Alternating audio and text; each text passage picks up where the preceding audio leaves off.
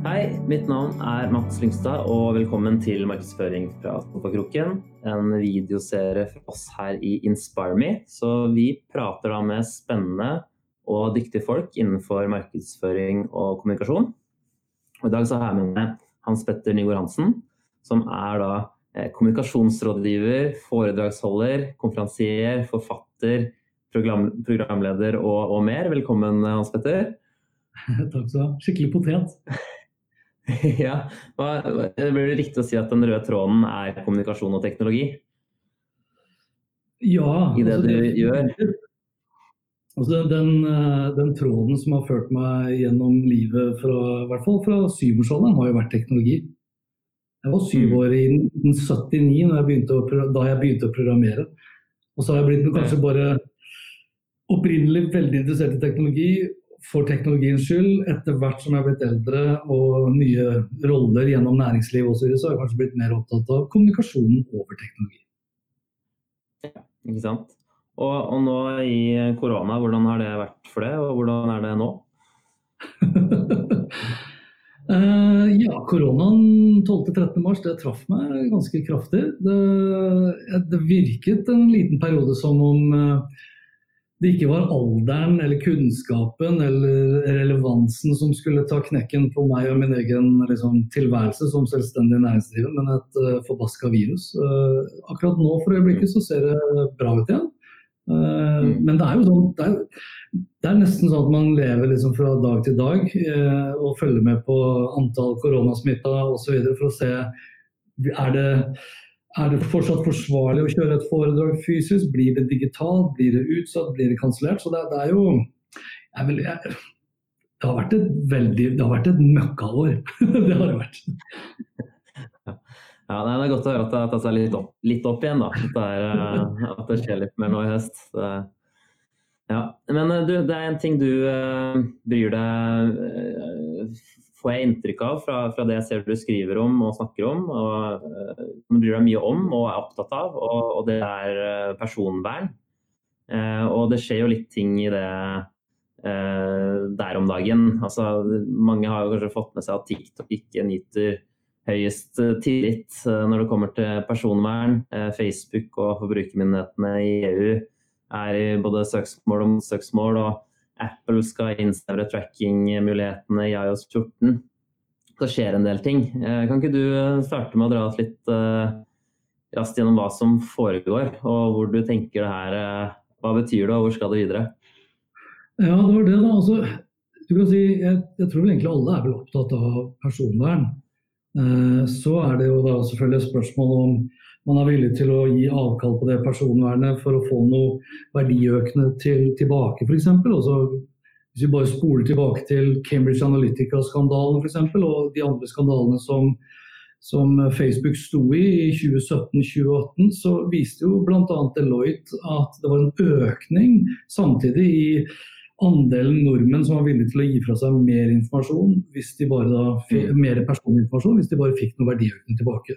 Og Jeg er ikke opptatt av personvern som sådan. Eh, jeg er nok kanskje blitt litt mer opptatt av hvordan teknologi i dag på mange måter har blitt uh, politisert. Det er, vel, det, er vel, mye politikk. Altså TikTok som du var innom, blir jo brukt som en slags symbolsak av Donald Trump for å ta igjen med samme mynt, hvis vi kan kalle det, til Kina. Eh, Kina har jo liksom på sin side har jo ingen tillit til resten av verden, virker det som. De har et veldig lukka internett, vil beskytte sine brukere og sine innbyggere for resten av verden. USA har ingen tillit til Kina, og nå ser det ut som at EU ikke har noe tillit til uh, USA. Så det er jo en sånn tillitskrise kombinert med data som den nye oljen hvor uh, stadig flere av liksom, verdenslederne uh, innser at liksom, data er virkelig den nye oljen. Kombinert med 5G-utrulling, kombinert med IOT, kombinert med kunstig intelligens og skytjenester, så ser du jo at vi blir da mer opptatt av å hegne om den dataen, som da inkluderer personinformasjon. Så man skulle jo liksom trodd at USA og Europa opp gjennom årene skulle hatt såpass tillit til hverandre at det ikke var så veldig farlig om din og min Facebook-bruk eller Instagram-bruk i løpet av en dag skulle havne på amerikanske hender, for så å kunne tilpasse eh, neste post i feeden din osv. Men eh, nå er vi nå en gang der, da, pga.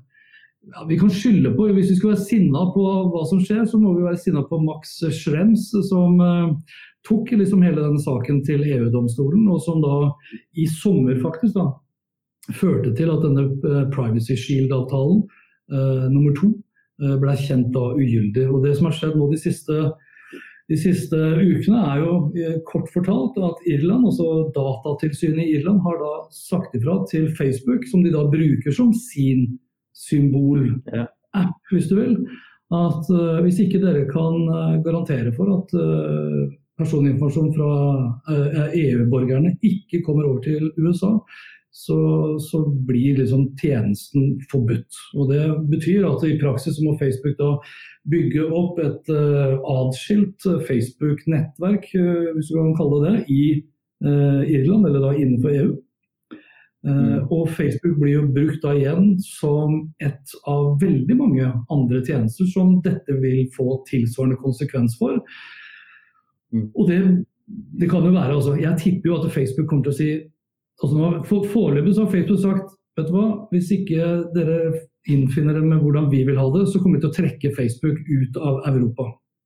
Det er det Facebook har gått i søksmål mot irske datamyndigheter om nå. Og Facebook betyr jo da Facebook, Instagram og WhatsApp og alle andre underliggende apper og tjenester. Så det er ganske heftig. Det er 410 millioner europeere som potensielt kan miste, miste det. Uh, er, så, så, så, det, det grunnleggende her er da, det er, en, det er en krig, mener du på Eller ikke en krig, men, men USA, eh, Europa, eh, Kina som tre aktører om, hvor, om eierskap til data. Det, det, går mer på det enn det går på personvern og, og, og slikt? Er det det du mener? Jeg tolker det dit. Men ja, altså personvern er jo viktig. Din og min personlige informasjon skal vi jo sånn sett da hegne. Men ja, altså sånn kort oppsummert. Kina er interessert i å bli den neste supermakten og er villig til å gjøre ganske mye for å ta den posisjonen. USA er veldig opptatt av å beskytte den posisjonen.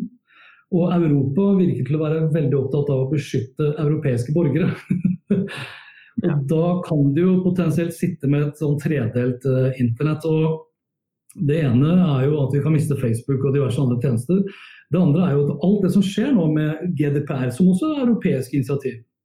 uh, det her er også et europeisk initiativ.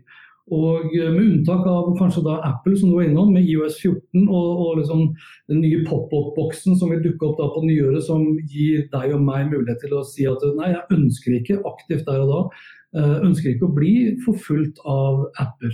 Av Facebook, innenfor Facebook eller på andre nettsider så, vi, så, så virker det som det blir, kommer til å bli vanskeligere i tiden fremover. Bl.a. å kjøre personalisert reklame. Også målretta reklame virker å bli mye mye vanskeligere. Og Det betyr jo at uh, irrelevant reklame blir mye mer aktuelt.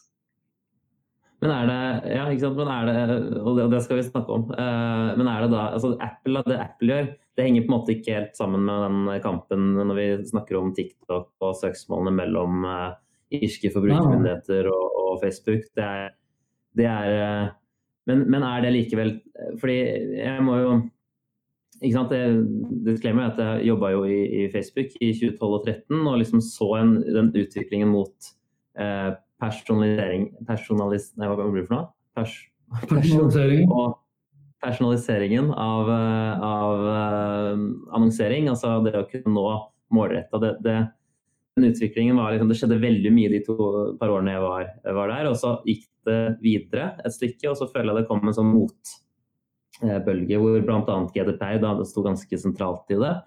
Eh, og, så, og, så, ser man sånne ting som det Apple gjør nå, f.eks. Er, det, er det en sånn uh, motreaksjon og en trend som måte ikke har gitt seg helt uh, der, i tillegg til denne krigen, eller er det liksom litt mer sånn tilfeldig at vi drar inn Apple? Uh, at, at det, liksom, det har satt seg litt hvor uh, det med personvern har satt seg litt. Nå, det, nå har vi GDPR, nå er det kontroll. Eller, eller kommer det til å bli vanskeligere eh, pga.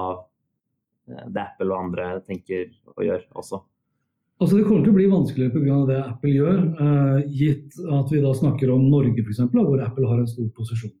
Uh, nå, stilte du, nå stilte du mange spørsmål, men jeg tror det er på, på en måte så er det tilfeldig at det skjer akkurat samtidig nå. For, altså, jeg tror ikke EU-domstolen og irske datamyndigheter har jobbet sammen med Apple og blitt enige om at dere lanserer IOS 14 når eh, vi kommer med liksom, Privacy Shield 2 og ugyldiggjør den. Uh, Apple har jo alltid vært veldig opptatt av uh, å skape For de som ikke vet hva Privacy Shield 2 er, bare raskt, hva er Privacy Shield 2? Det er uh, da, kall det på enkelt norsk da, datautvekslingsavtalen mellom Europa og USA. Vi hadde noe som het Safe Harbor osv., så, videre, så vi har hatt flere avtaler med amerikanerne på hvordan Amerika og EU kan dele data seg imellom. Og så er det da så kan du si at det er Facebook sin skyld, for det var jo eh, Max Schrems da, fra Østerrike, var det vel, eh, som da gikk til det steget å kreve at eh, Facebook skulle overlevere all informasjon de hadde om han. Og så skulle han da teste ut hvorvidt han klarte å få kvitta seg med det. At de da tok det på alvor og lot han slette all den dataen. Og så har han kjørt den saken helt opp til domstolen og mener at uh, Facebook sitter med altfor mye informasjon, tar vare på den informasjonen altfor lenge osv. Vi husker jo da tilbake til GDPR igjen. Så handler jo GDPR bl.a. om hvor retten til å være anonym, det er jo én ting, men ikke minst også du som en virksomhet skal ikke ta vare på personinformasjon lenger enn du strengt talt uh, trenger. Og du skal heller ikke samle inn mer informasjon du, enn du strengt talt trenger. og det har jo også Apple vært opptatt av. så med den IOS 14-funksjonen så stikker jo de kjeppene litt i hjulene på eh, Facebook. De har jo vært eh, ganske noen, si, aggressive på hva de mener om cookie tracking f.eks. i lang tid, og har gjort det vanskeligere og vanskeligere gjennom Safari for da mm. kommersielle virksomheter å følge eh, brukerne, slik at de kan da gi relevant reklame. Mm. Eh, så, så det, er, det, er, det, er, flere ting som skjer samtidig. Og, det, og igjen, det, er nok ikke helt tilfeldig, for jeg tror jo at det til syvende og sist skyldes nettopp at dataen er liksom blitt den nye valutaen, eller den nye oljen osv. Det ligger enorme verdier i å trekke maksimal kontekst og verdi ut av alle disse datasignalene vi som brukere legger igjen. Uh, og vi er jo brukere. altså Vi betaler jo med øynene våre eller oppmerksomheten vår. Uh, jeg, jeg, må bare si den Social Dilemma Jeg tror Social Dilemma-dokumentar på Netflix jeg synes de, de, sa det veldig sånn bra, syns jeg. At det, det, er to bransjer i verden som omtaler liksom, de som er brukere som brukere. og Det er narkotikabransjen og det er softwarebransjen. Men det er nå engang det vi er, da. Så det blir, For markedsførere så blir det en tøffere hverdag i å klare å personalisere budskapene, fordi datasignalene som gjør det mulig, eh, blir, eh, blir, såpass mye dårligere. Altså Facebook har jo selv allerede vært ute og sagt at når den dagen kommer hvor IOS 14 skrur på den funksjonen her, eh, så vil de antageligvis da kutte ut hele audience network-tjenesten på mobil, for det er ikke verdt det. Mm. Men er det? For, Ja, ja for nå, nå, det, det, går, det, det, går, jo på IOS 14 eh, eh, spesifikt. Og, eh, men, men ja, hvis, hvis, vi går mot eh, altså disse eh, geopolitiske eh, forholdene, driver dette personvernet i en retning av å gjøre det vanskelig for perso personifisering eller personalisering av, av Personalisering. Jeg må jobbe med det, bruke riktig ord der. Personalisering. Eh, I tillegg til at det kanskje fortsatt den motvekten mot at det ble veldig fri flyt eh, med data, hva du kunne gjøre og hvordan du kunne målrette. Mm. At, liksom, okay, vi, med den antakelsen at det kommer til å bli vanskeligere eh, å, å målrette. Altså, så, så, hva betyr det? Hvis jeg kan avbryte, så jeg, vi, vi, sa Facebook. men veldig mange markedsførere i dag for eksempel, har et forhold til HubSpot. Mm. Så la oss si at den EU-dommen står seg ved lag at alle bedrifter i USA som har europeiske kunder, skal etablere seg med in, altså sikker infrastruktur, servere, ansatte. Også, du kan ikke ha en ansatt i HubSpot i USA som, prøver å, også, som skaffer seg en kunde i Europa hvis den dommen står. Så Facebook er jo én ting som plutselig kan bli borte. Men HubSpot kan, kan, bli borte. Twitter, Snapchat, TikTok har vi se langt etter. I den grad, ikke, i den grad TikTok ikke da setter opp et datasenter i et eller annet sted i, i, Europa. Og Da snakker vi om store tjenester. Men tenk alle de andre små, fete tjenestene vi bruker nå i dag. Eller apper, for den saks skyld. Så mm. fort du samler inn data om en europeisk innbygger, ja, så skal du ha en pottetett infrastruktur i Europa. Altså Det mm. kommer til å bli et blodfattig Europa når det kommer til liksom, tilgang til applikasjoner og tjenester og opplevelser, hvis det her blir stående. Men er det Det er vel da Det høres jo, når du, når du sier det sånn, så høres det ut som en dom som sannsynligvis kanskje ikke blir stående. fordi det er, der vil jo, kommer jo litt politikken inn i at Det, det ønsker man jo ikke nødvendigvis. At man skal liksom robbe Europa for en del både amerikanske og andre typer tjenester som som, eh, som eh, skaper verdi? Eh, mm. Eller er det, er det, tror du det er helt oppe i lufta? At det kan faktisk skje? La oss krysse fingrene på at politikerne faktisk bruker huet ordentlig. ja. Jo, altså, ja, fordi jeg tenker det er jo et, et, sånt, et sånt worst case så, så, vil man jo kunne tro at uh, da er det jo uh, en del tjenester vil spesialisere seg innafor Europa. At det blir, eh, det blir, litt sånn som at eh, det er mellom Kina og Vesten i dag. At man har stort sett de samme tjenestene, bare med andre leverandører. Så du får en sånn utvikling. Men, men, men la oss si at, eh, la oss gå bort fra liksom worst case, da, men at det blir um, strengere altså Igjen tilbake til Apple og, og IOS 14. At, at, rett og slett mulighetene for å um, målrette altså si vi fortsatt har HubSpot, men det blir begrensninger på hva man kan gjøre, uh, gjøre der? Eller er det da, kan det skje? Og hva betyr det for annonsørene? Altså hvis vi tar et mellomcase her, hvis det gir mening? Ja, jo, jo. Uh, altså, jeg tror jo jeg tror man kommer på plass med en eller annen enighet. Eller så tror jeg at det kanskje da kan bli et, uh, et lite vakuum en periode. Langsiktig så vil de store aktørene kanskje etablere seg etter hva EU krever. Samtidig så kan det jo også åpne opp selvfølgelig for enormt med innovasjon i EU. For da må vi plutselig lage sånne tjenester. Eh, tilbake til det du spurte om nå, nå sist, så, så, er det klart vi, vi, som har holdt på med litt sånn markedsføring, vi har jo hele tiden sagt at det er jo ekstremt viktig å benytte seg av de kanaler du har total eierskap over. Eh, nå har vi jo sett noe den siste tiden hvor du har hatt rimelig mange tiktokere som har tjent eh, seg de har tjent gode penger til livets opphold på TikTok, som plutselig da blir kjemperedde for hva som kan skje hvis TikTok da plutselig forsvinner. Uh, og nå burde jo da, og, og da så har folk da ah, ok, da må jeg være på Instagram og kjøre reels, da. I den grad man orker å bruke, bruke det.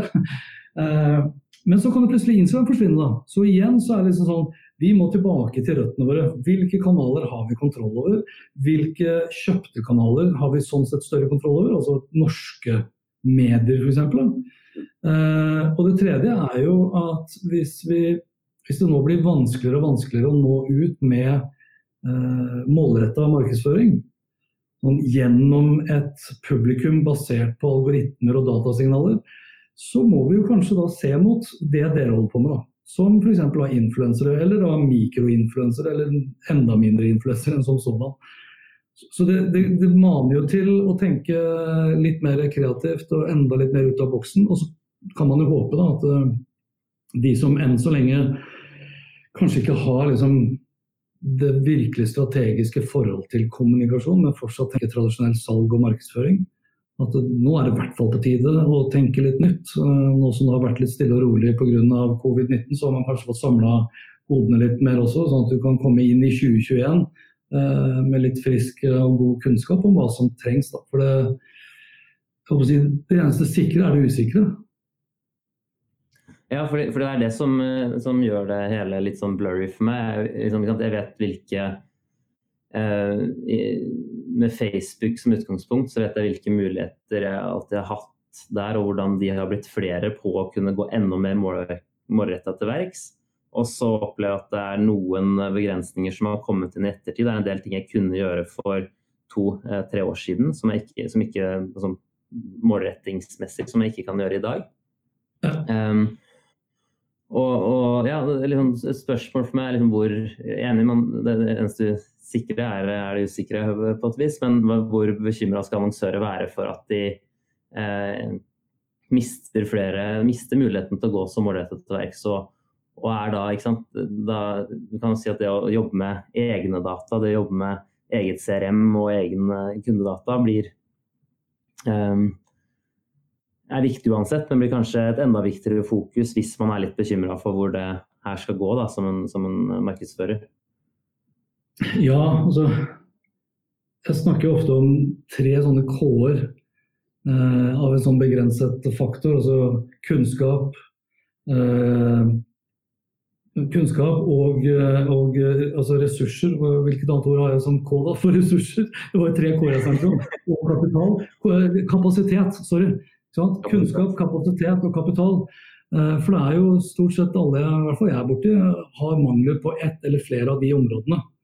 Eller i hvert fall begrensninger. De har liksom ikke ubegrensa med et budsjett til å drive markedsføring. Og veldig mange sliter med kapasitet og ikke minst da kunnskap, fordi det skjer så mye hele tiden.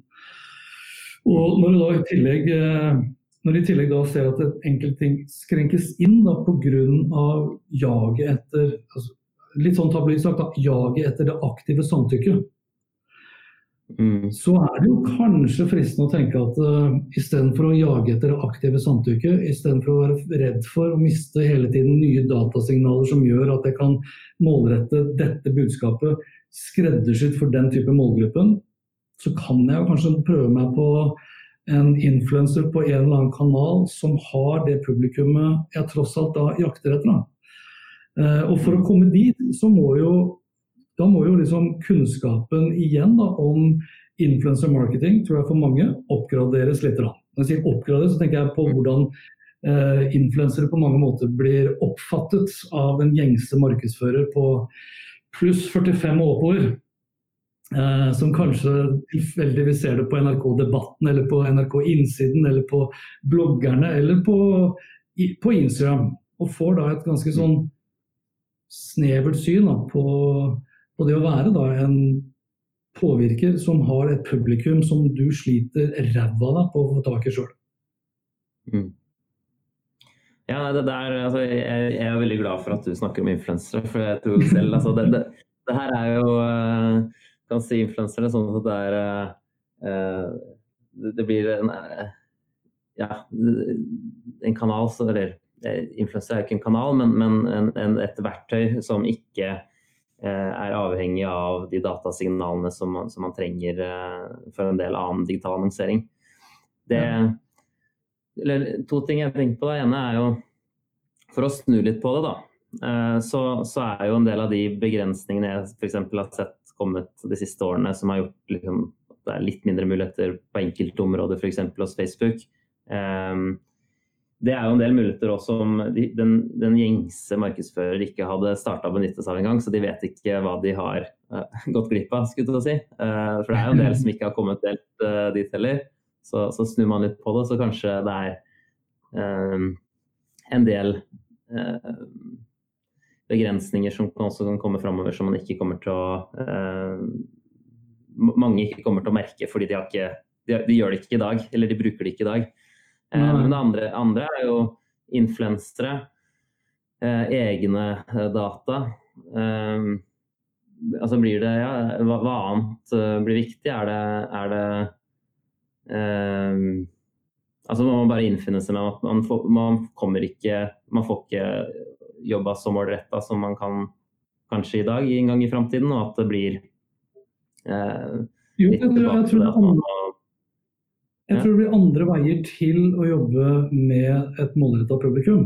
Det, det, tror jeg. Og for eksempel, når vi snakker om influensere, og det du sa i sted om at man har plutselig mista tilgang til innsikt man tidligere ikke visste at man hadde. Eh, det er jo fortsatt en sånn gjengs greie at eh, veldig mange er opptatt av maksimal rekkevidde og maksimal frekvens. Gjennom vår avis kan du nå halve Norges befolkning i løpet av en dag. og vi kan reiterere det samme budskapet ti ganger. og Det snakker man på avissider, og man snakker om det på TV og man snakker om det på radio. Og For svært mange så blir det oppfatta som ren støy, og så blir resultatet at du prøver å betale deg fri for den støyen ved at du adblocker og du spoler over reklamen, eller du kjøper deg fri fra reklamen. Og Det gjelder jo også influensere. Uh, og da tenker jeg spesielt brede influensere som da bare skriver om alt og ingenting, og takker ja til absolutt alt mulig av, uh, av Eh? Reklame, altså annonsører. så De er liksom det ene øyeblikket oppe med, med spritflasker, og det andre øyeblikket så er det kanskje da sjampoer. Eh, hva vet jeg. Men mm. da vil de igjen også bare selge seg inn på bakgrunn av hvor mange følgere de har. Og that's it. Og det har jo vært diskutert i kampanje og ANF og, og ymse kanaler også, at man betaler for følgere. Altså du betaler for rekkevidde, men ikke for effekt. Mm. Så når du snakker om den åpenheten, så tenker jeg at jeg vil jo da anbefale virksomheter, og annonsører, å jobbe da med eh, mindre influensere som da har mer, større garanti for at publikummet deres matcher fordi det du prøver å kvitte deg av med produkter, varer og tjenester, matcher hva den influenseren er opptatt av. og Sånn sett så har du da ferdigdefinert et publikum som er engasjert.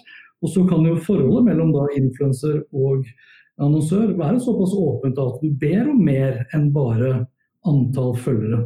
Du ber om engasjement, du ber om demografisk og geografisk innsikt. Du er kanskje flinkere til å kjøre kampanjekoder på swipe opp og stories osv. Sånn at du kan faktisk da følge kampanjen helt tilbake til kassaapparatet. Det betyr mer jobb, men det betyr antakeligvis også bedre ROI, og da er det jo mer lønnsomt. Det har en større effekt. Mm. og I den grad du da sliter, som det veldig mange gjør, med å få tilstrekkelig med budsjetter som er da liksom kapital. og Bedre, bedre ROI og mer kapital vil antakeligvis også gjøre det lettere å strategisk bygge opp større kunnskap og sånn sett få mer kapasitet. For da begynner de som sitter på toppen, eller de som sitter med pengesekken, eller de som sitter med salgsansvaret, da begynner de å skjønne at liksom det her har faktisk en mening utover at uh, en eller annen markedskonsulent i et uh, SMB-selskap har fått lov å trygle seg til 10 000 kroner for et lite influenseroppdrag slash kampanje. For det er der vi er, og det, det, gjelder jo veldig mange kanaler. Det gjelder spesielt nye kanaler hvor annonsørene gjerne er de siste til å hoppe på de trendene. Det er rimelig mange flere mennesker i Norge i dag som følger influenser på Instagram enn det er annonsører. Det er rimelig mange flere nordmenn i dag som hører jevnlig på podkast enn det er annonsører. Mm. Ja, nei, igjen, jeg, jeg, jeg, er jo helt enig i når det kommer til influensere og verdien av, av det, vi, det, de leverer og det, det vi gjør. Det, det, jeg kjenner med Det som, som, slår meg da når vi prater om det her, er um, hvor, altså hvor, hvor, mange spørsmål som også dukker opp rundt mm. hvordan framtidens markedsføring vil se ut. Og jeg tror influensere kommer til å være eh, sentral. Eh, men jeg, jeg, jeg, kjenner at eh, her, her, her, her, er jeg mye å sette meg inn i uh, for, uh, for, å forstå framtiden. Og hvordan, hvordan, disse geopolitiske forholdene og hvordan eh, denne backlashen på, på personalisering kommer til å utvikle seg videre, eller om den er over osv. Så, videre. så dette syns jeg, var, det var interessant. Jeg tror, jeg, tror, jeg tror vi kommer til å se en sånn type data slash teknologi kald krig. Altså den kalde krigen som vi husker fra 80- og inn i 90-tallet, den, eh, mm. den, har flytta seg liksom til digitale signaler nå i dag. og Det kan bety at vi kan måtte regne med et mer uforutsigbart marked og et annonsemarked. Eh, og da tror jeg vi skylder oss sjøl også å være faktisk litt mer eh, Ikke negativ, men jeg tror de mest teknologioptimistiske av oss er også ganske teknologi skeptiske, øh, men ikke minst nysgjerrige. Også hvis det er én ting som er viktig her nå, i tider hvor alt er usikkert, så er det jo ekstremt viktig å være nysgjerrig. Da. For hvis du ikke er nysgjerrig, så blir du plutselig overrasket over at pokker, nå var jo plutselig den kanalen borte. Eller pokker, nå funka ikke den mediekanalen der lenger fordi brukerne har flyttet seg over til en annen kanal. og det, det altså Hvis vi skal runde av, så bruker jeg ofte å si det også for, på foredrag og i i møte med bedriftene at liksom, det spiller jo ingen rolle om du liker Facebook hvis markedet ditt er på Snapchat. Hvem sitt problem er det? Er det publikummet ditt som er på Snapchat, eller er det du som er på Facebook? Så det å tilpasse Mm. seg kunden i dag, det er jo alfa og omega. Eh, Vi skal, runde av, eh, som sier Hans Petter. Og, og eh, avslutningsvis, da. Hvis, eh, hvis du eh, Hvis worst case eh, skjer, og vi får denne tredelingen og Facebook og Hubspot og Nå tror ikke jeg det skjer, da, men gitt at det skjer, eh, forsvinner fra Europa. Hvilket, hvilket verktøy er det du kommer til å savne mest? Oh. Eh, det er vel, altså, da, da kan jeg jo si Facebook som selskap, da, for da tar jeg med meg Facebook, Instagram og WhatsApp. Ja, det er fair enough. Det er bra. Det er faktisk det. Nei, men, eh, bra, bra, Hans Petter. Dette, jeg kjente nå at, eh, hvor ekstremt lite jeg kan om det her, og hvor mye mer jeg må sette meg inn i det. Så dette var en sånn der bra trigger for min del på, på at uh, her må jeg lære meg litt uh, mer. Så det, det er mulig at Du, du, du, du må høre på podkasten min. Bare abonner på podkasten helt gratis. Takk for praten, Hans Petter. Så snakkes vi. Ha det bra. Ha det bra. Takk for meg.